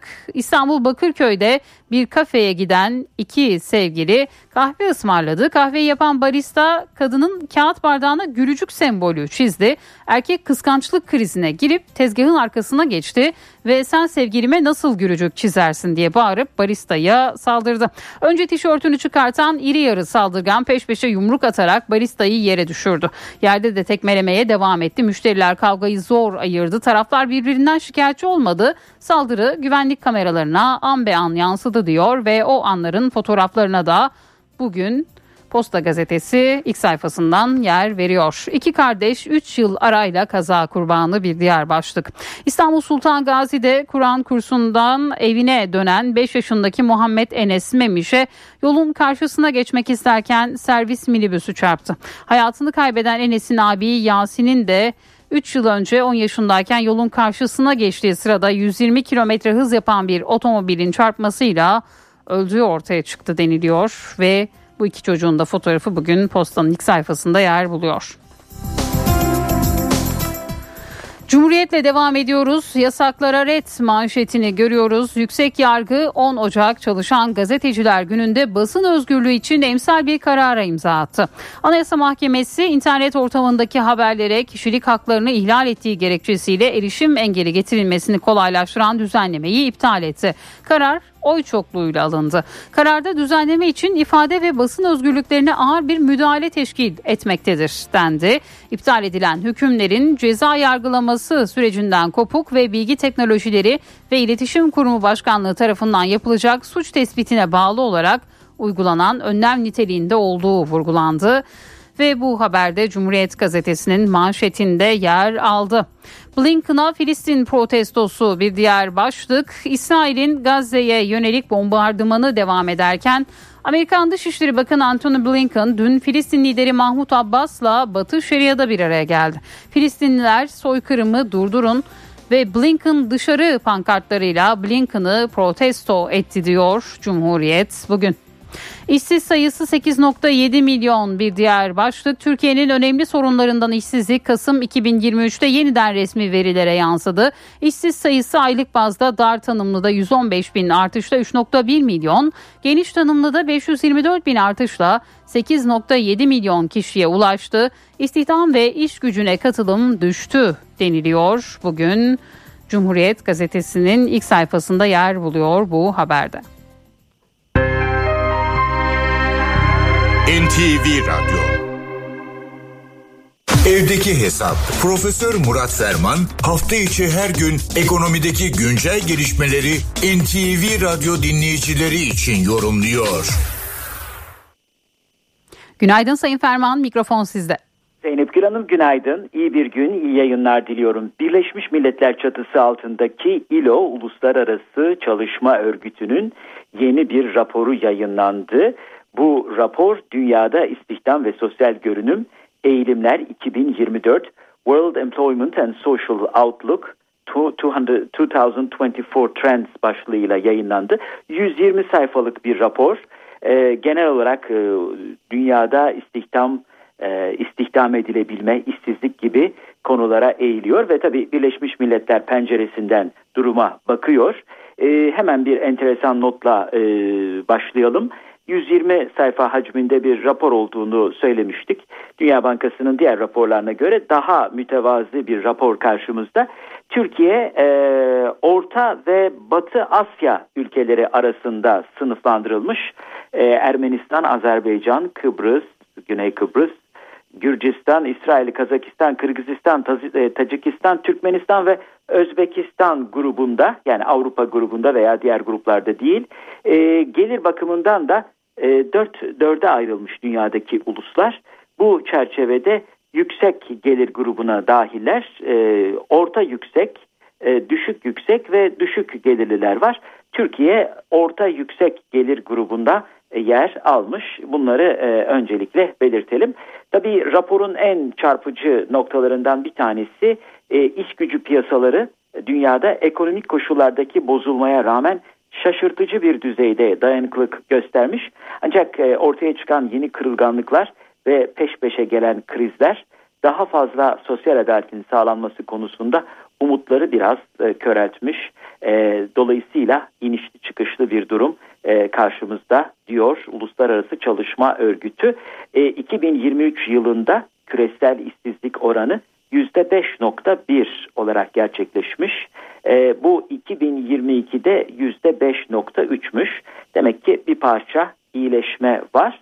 E, tabii e, ufak bir değişiklik olduğunda dahi e, bir takım e, sıkıntılar ortaya çıkabiliyor. E, 2024 yılında iş arayan kişi sayısının dünyada 2 milyon artması ve böylece e, küresel işsizlik oranının e, 2023'teki %5.1 seviyesinden bu sene itibariyle %5.2'ye çıkması bekleniliyor. Tabii en önemli unsurlardan bir tanesi belki Uluslararası Çalışma Örgütü'nün sosyal medya hesabında da spot olarak verilmiş yüksek ve düşük gelirli ülkeler arasında önemli farklılıklar istihdam piyasasında da görülmeye devam ediyor.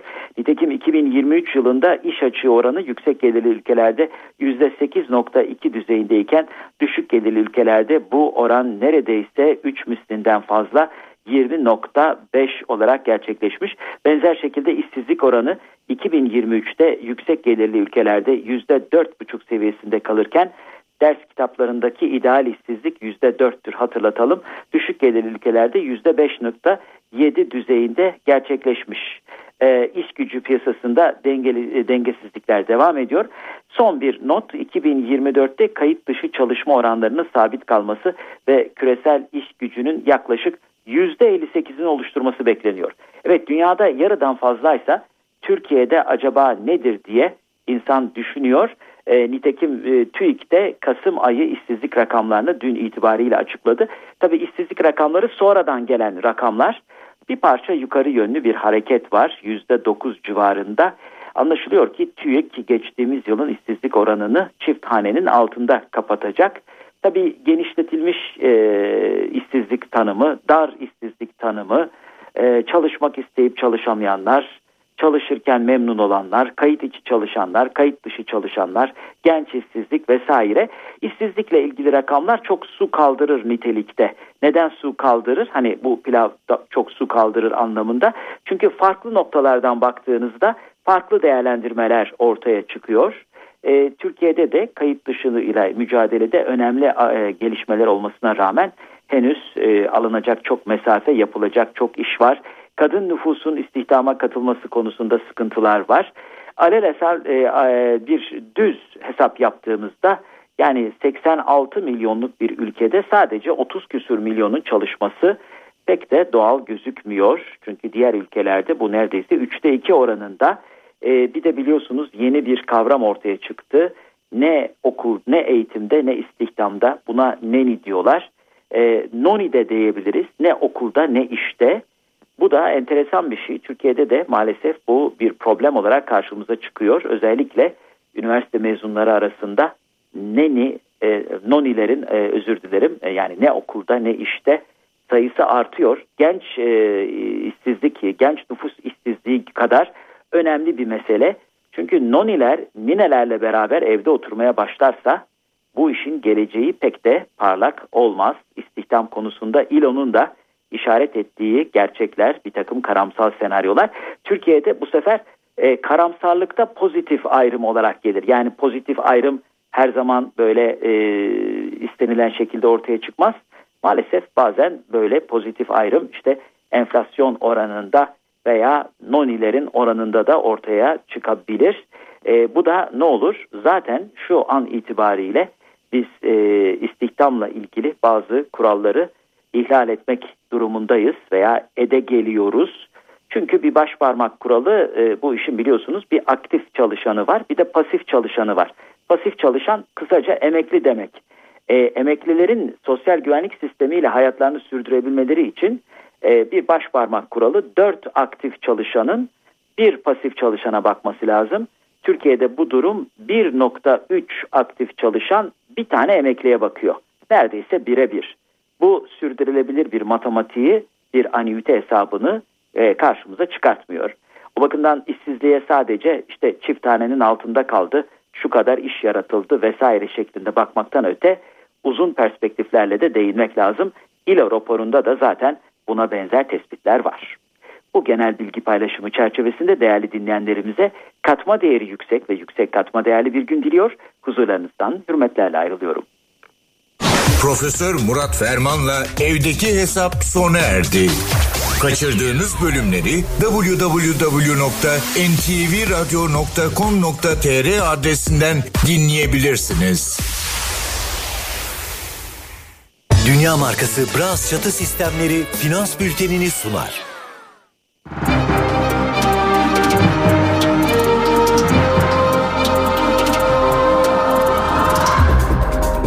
Borsa İstanbul Yüz Endeksi 7874 seviyelerinde dolar 29.97 euro 33.02'den işlem görüyor. Euro dolar paritesi 1.09.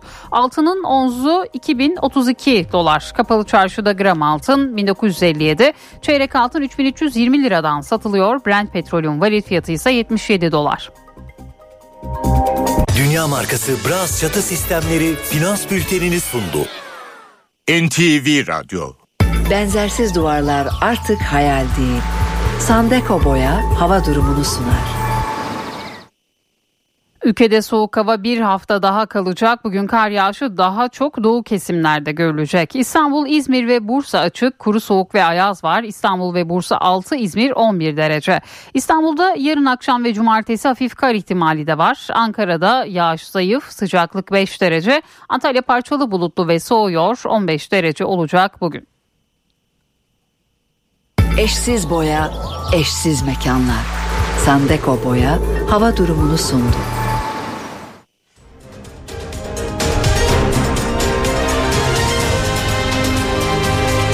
NTV Radyo.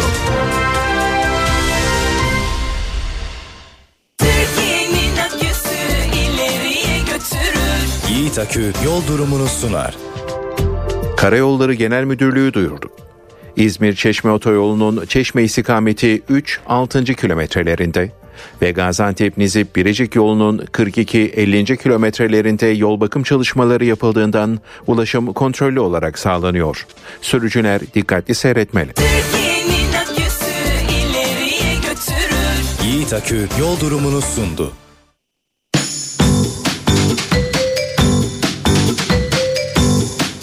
Dil Yaresi Hazırlayan ve sunan Levent Dönmez Şimdi anlamsız bir cümle söyleyeceğim. Kani'nin kafası Kabil'i kabil değil kabul etmez. Bu ince ve kalın K'leri ard arda söyleyebilme becerisi kazanmak için diksiyon çalışmalarında alıştırma olarak kullanılır. Buradaki Kabil biliyoruz ki Afganistan'ın başkenti. K ince, Kabil. Ama bunun Kabil olarak söylendiğini de duyuyoruz. Kabil'in anlamı başka. Kabil olanaklı, mümkün anlamına geliyor. Örnek bir cümle söyleyelim. Bir karış bile ilerlememiz kabil olmuyor. A yine uzun söyleniyor ama K kalın. Demek ki Kabil kent, Kabil olanaklı. Kani de malum bir erkek ismi. Kanaat eden anlamında. Kabil gibi söylenişinde yanlışlık yapılan bizim de bir kentimiz var. Hakkari. O da kimilerince Hakkari biçiminde söyleniyor ve yanlış söyleniyor. Yani Hakkari değil, Hakkari. Söylenişinde kararsızlık yaşanan bir ülkede Irak. Bir kesim Irak diye kısa ı'la söylüyor, bir kesim de ı harfini uzatarak Irak diyor. Siz nasıl söylüyorsunuz? Irak uzak demek ve kısa ı ile söyleniyor. Irak.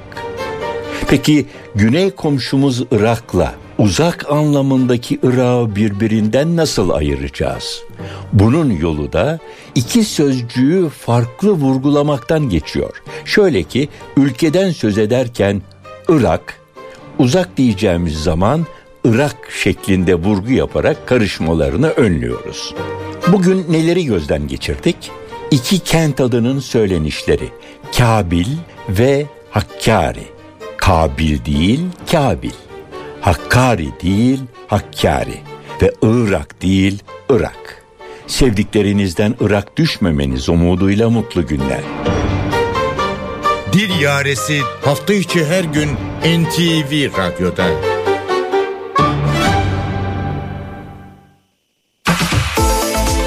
NTV Radyo, Türkiye'nin haber radyosu.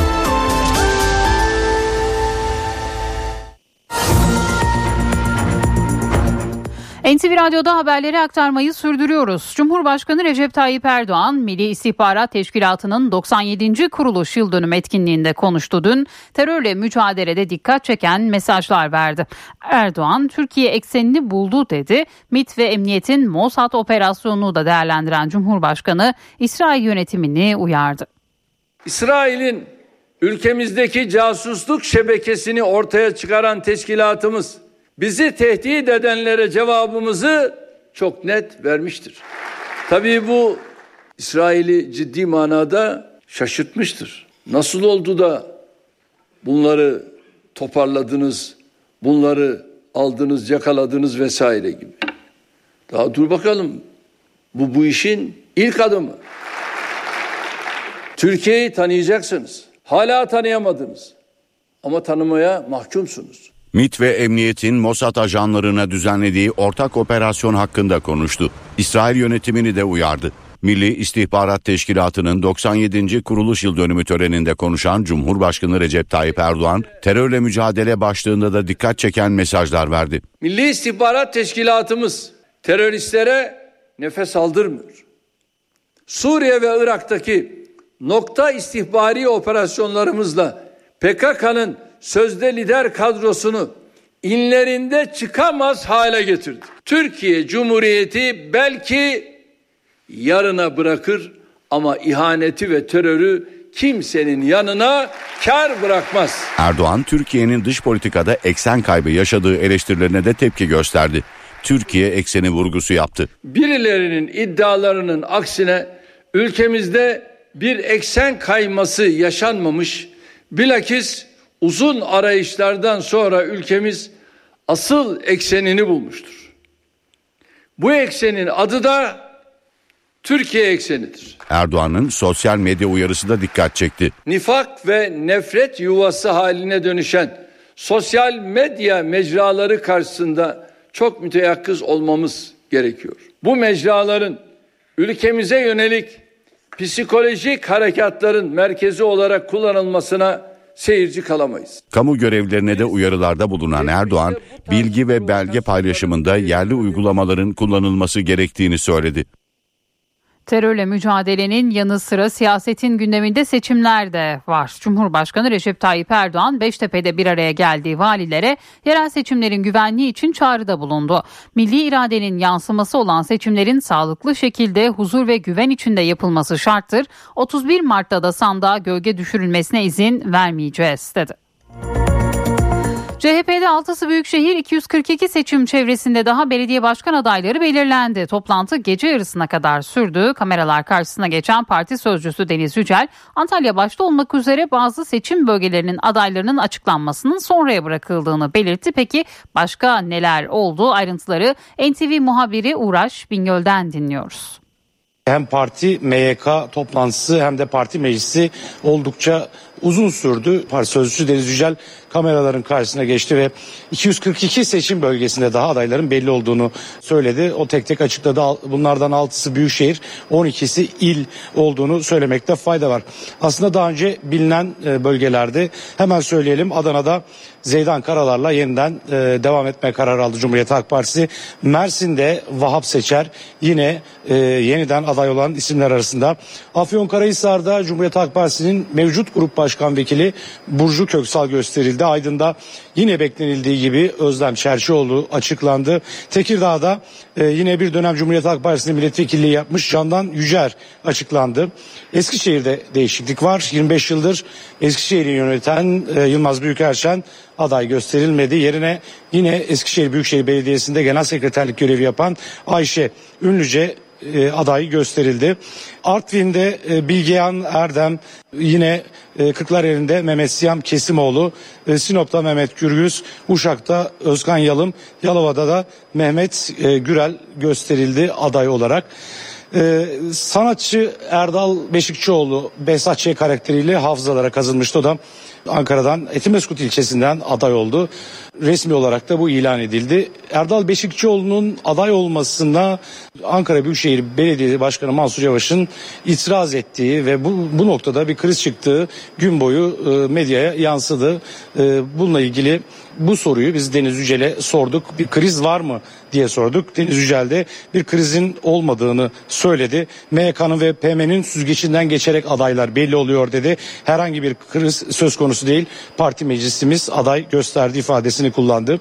Yine bir kriz var mı sorusunu biz Cumhuriyet Halk Partisi Genel Başkanı Özgür Özel'e sorduk. Özgür Özel Merkez Yönetim Kurulu toplantısının ardından parti meclisine geçerken orada e, gazetecilerin çalışan gazeteciler günü kutladı. Orada da bu soruyu kendisine sorma fırsatımız oldu ve Özgür Özel de şu ifadeleri kullandı. Mansur Bey'le bu fikrimi paylaştığımda Mansur Bey'in bayağı hoşuna gitmişti. Hala hoşuna gittiğini ümit ediyorum. Öyle itiraz edeceği bir şey yok. Belki Etim, Etimeskut'ta e, ilgili başka bir şey olabilir. Mansur Bey'in gücüne kut, güç katacaktır. Orada bir sıkıntı olacağını düşünmüyorum ifadesini kullandı. Gerginlikler de yaşandı. Onu da söylemekte fayda var. Özellikle parti meclisinde Mezitli gerginliği, Mersin'in Mezitli ilçesindeki gerginlik e, yaşandı bir süre bağırışmalar oldu burada parti meclisinin toplandığı e, katta. Aday belirleme toplantısı sırasında Mersin Milletvekili Hasan Uluk Çakır, Mezitli Belediye Başkanı Neşet Tarhan'la yola devam edilmemesi noktasında itiraz gösterdi ve e, bağırarak tepkisini gösterdi. Bir hayli parti binasında da o sesler yankılandı. E, tepkisini yine Mersin Milletvekili Cumhuriyet Halk Partisi Grup Başkan Vekili e, Ali Mahir Başarır'a gösterdi, gösterildiği iddia edildi. Biz bunu da sorduk Deniz Yücel'e ve herhangi bir kriz olduğunu e, olmadığını söyledi. E, Hasan Ufuk Çakır'ın görüşlerini ifade etmek için parti meclisine girdiğini e, söyledi ama e, buna e, orada müsaade edilmediğini altını çizdi Deniz Yücel. Parti meclisinde Deniz Yücel kameraların karşısına geçti ve Cumhuriyet Halk Partisi'nin 242 seçim bölgesinde 6 büyükşehir 12 il 242 seçim bölgesinde adaylarını açıkladı. Uğraş Bingöl'ün notları bu şekildeydi. Milliyetçi Hareket Partisi 31 Mart yerel seçimleri için 14 il 41 ilçe olmak üzere 55 adayını açıkladı. Mersin ve Manisa büyükşehir adaylarını da belirleyen MHP geriye kalan 28 büyükşehirde ise AK Parti'nin adaylarını destekleyecek. 2 büyük şehir, 12 il, 41 büyük şehir ilçesi. MHP 31 Mart yerel seçimleri için belediye başkan adaylarını açıkladı. AK Parti'nin destek vereceği iki büyük şehirden Mersin'de Serdar Soy'dan Manisa'da ise mevcut başkan Cengiz Ergün aday gösterildi. Amasya'da Bayram Çelik, Bartın'da Hüseyin Fahri Fırıncıoğlu, Bayburt'ta Hükmü Pekmezci, Çankırı'da İsmail Hakkı Esen, Erzincan'da Bekir Aksun, Karabük'te Rafet Vergili, Karaman'da Savaş Kalaycı, Kastamonu'da Yüksel Aydın, Kütahya'da Alim Işık, Nevşehir'de Adnan Doğu, Niğde'de Hamdi Doğan MHP'nin adayı oldu. MHP lideri Devlet Bahçeli'nin memleketi Osmaniye'de ise mevcut başkan Kadir Kara yerine İbrahim Çenet aday gösterildi. 30 büyük şehrin 41 ilçesinde de MHP kendi adaylarıyla seçim yarışına girecek. İstanbul Beşiktaş'ta Serkan Toper, Silivri'de ise Volkan Yılmaz aday. Ankara'da 4 ilçede aday gösteren MHP, Etimeskut ve Gölbaşı ilçelerinde mevcut başkanlarla yola devam kararı aldı. Etimeskut'ta Enver Demirel, Gölbaşı'nda Ramazan Şimşek aday gösterildi. Polatlı'da Mürsel Yıldızkaya yerine Levent Çağlancı aday gösterilirken Kalecik adayı Erdal Dal oldu. Yaklaşık 700 bin kamu işçisi ek istiyor. Türk İş ve Hak İş yetkilileri talepleri değerlendirmek üzere bir araya geldi. Hak İş Genel Başkanı Mahmut Arslan, toplu iş sözleşmesinde elde edilen haklar daha fazla erimesin diye 1 Ocak'tan itibaren geçerli olacak ek protokol talep edeceğiz dedi. Kamuda çalışan işçiler ek zam istiyor. Hak İş ve Türk İş tabandaki bu taleple ilgili harekete geçti. Önce Hak İş konuyla ilgili Çalışma ve Sosyal Güvenlik Bakanlığı'na bir mektup gönderdi. Ardından Türk İş ve Hak İş yönetimi bir araya geldi. İki işçi sendikası, kamu çerçeve protokolündeki hakların iyileştirilmesine yönelik talepleri de ele aldı. Ek protokolün yapılması hususunda bir e, genel bakış açımız var. Bu konuda hükümetimizin de e, TÜİS'in de bu noktada bizimle aynı noktaya gelmesi için de çalışmalar var. Bu müzakerelerde bunu e, göreceğiz. Hak İş Genel Başkanı Mahmut Arslan fiyat artışlarına dikkat çekti. Taleplerin refah payı ve iyileştirme olduğunu belirtti. Toplu iş sözleşmesiyle elde ettiğimiz haklarımızın daha fazla erimemesi için bir ek protokolla 1 Ocak itibariyle kamudaki e, yaklaşık 600 bin civarındaki arkadaşımızın e, haklarının iyileştirmesini talep edeceğiz. 700 bine yakın kamu işçisi toplu sözleşmeye göre 2024'ün ilk 6 ayında %10 artış artı enflasyon farkı alacak. İkinci 6 ayda ise %10 artı enflasyon farkı kadar artış yapılacak.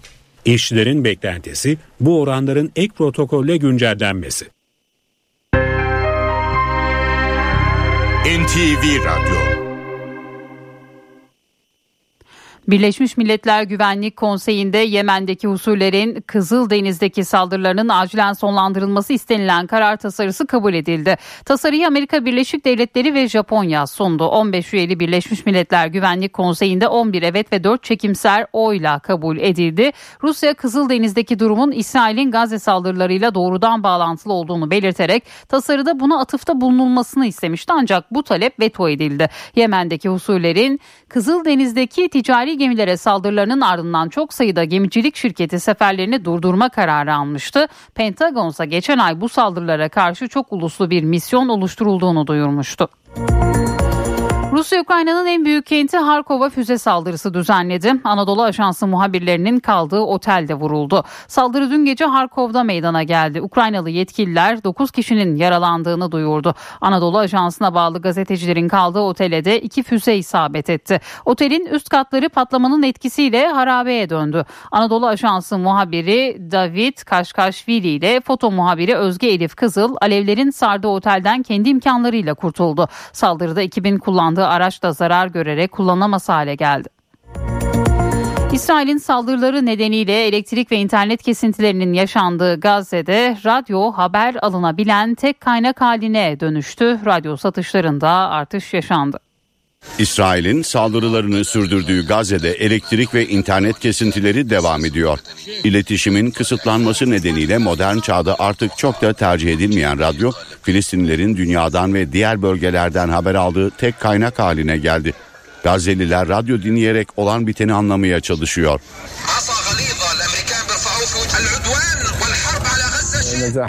Televizyon, cep telefonu veya internet üzerinden haberlere ulaşamayınca böyle bir yönteme başvurduk. Bölgede neler olduğundan haberdar olmak istiyoruz. Bunu da ancak radyo ile sağlayabiliyoruz.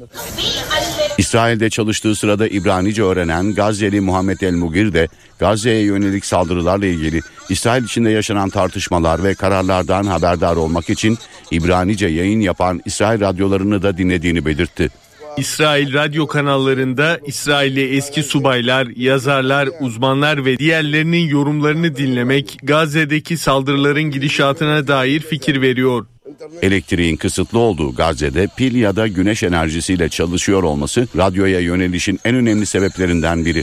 Hatta Gazze'liler talep yoğunluğu nedeniyle radyo fiyatlarının artırılmasından şikayet ediyor. 2023 Türkiye için tersine göç yılı oldu. Göç İdaresi Başkanlığı'nın açıkladığı verilere göre ikamet izniyle Türkiye'de bulunan yabancıların sayısı 2023'te bir önceki yıla göre 247 bin kişi azaldı. Tersine göçte Türkmenistan, Rusya Federasyonu ve Irak vatandaşları ilk sırada yer aldı. Kardeşim yanıma Ümide kaydedecektim ben. Tamam kimliklerinizin fotokopisini çekin gelin. Tersine göçte 2023 rekor yılı oldu. Göç İdaresi Başkanlığı tarafından açıklanan rakamlara göre ikamet izni bulunan 247 bin yabancı Türkiye'den ayrıldı. Uzmanlara göre tersine göçte, düzensiz göçte mücadele ve yabancı sayısını seyreltme politikası etkili oldu. kısa dönem ikamet izni veya işte turistik amaçla veya öğrenci amacıyla farklı amaçlarla ikamet izni ihlallerine yönelik yapılan kontroller e, kişilerin e, Türkiye'den ayrılmasına veya işte e, ikamet izinlerinin yenilenmemesine sebebiyet verdiği için aslında düzensiz göçle olan mücadele de bu sayılara bir şekilde yansıdı. İkamet izinlerinin yenilenmesinde de Türkiye'nin politikalarında biraz daha bir sılaşma olduğunu görüyoruz. En çok yabancı ayrılan il 148 bin kişiyle İstanbul olurken Antalya 44 bin yabancı ile ikinci sırada yer aldı. Uyruklarına göre dağılımda Türkmenistan, Rusya ve Irak vatandaşları ilk 3 sırayı oluşturdu. Türkmenler bir süre kendi ülkelerine geri dönemediler. Ülkeye giriş yapamadılar. Dolayısıyla Türkiye'de düzensiz konuma düştüler. İkametlerinin yenilenmesi sıkılaştırıldı. Ekonomik nedenlerin yanı sıra Rusların tersine göçü, Rusya Federasyonu'na yönelik uluslararası yaptırımlar, Rus gençlerin askere çağrılması ve ikamet izinlerinin zorlaştırılması gibi nedenlerden kaynaklandı. İkamet izniyle kalan Ukraynalı nüfusun e, da yüksek olduğunu düşünüyorum ve onların da geri dönmeleri veya farklı Avrupa ülkelerine yönelmeleri de yine bu sayıda etkili olan konulardan biri. Türkiye'de 2023 rakamlarına göre ikamet izniyle yaşayan yabancı sayısı 1 milyon 107 bin.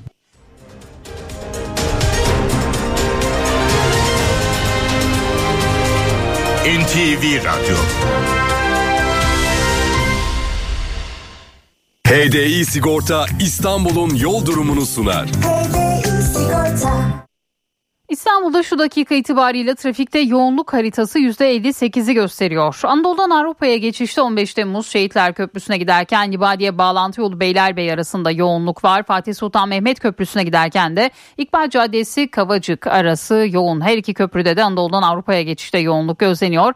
Avrasya Tüneli ise çift taraflı açık Avrupa yakasına gelindiğinde E5'te Avcılar Yeni Bosna arasında sabah yoğunluğu var. Tem'de ise Bahçeşehir Altınşehir arası yoğun. İyi yolculuklar. HDI Sigorta İstanbul'un yol durumunu sundu. HDI Sigorta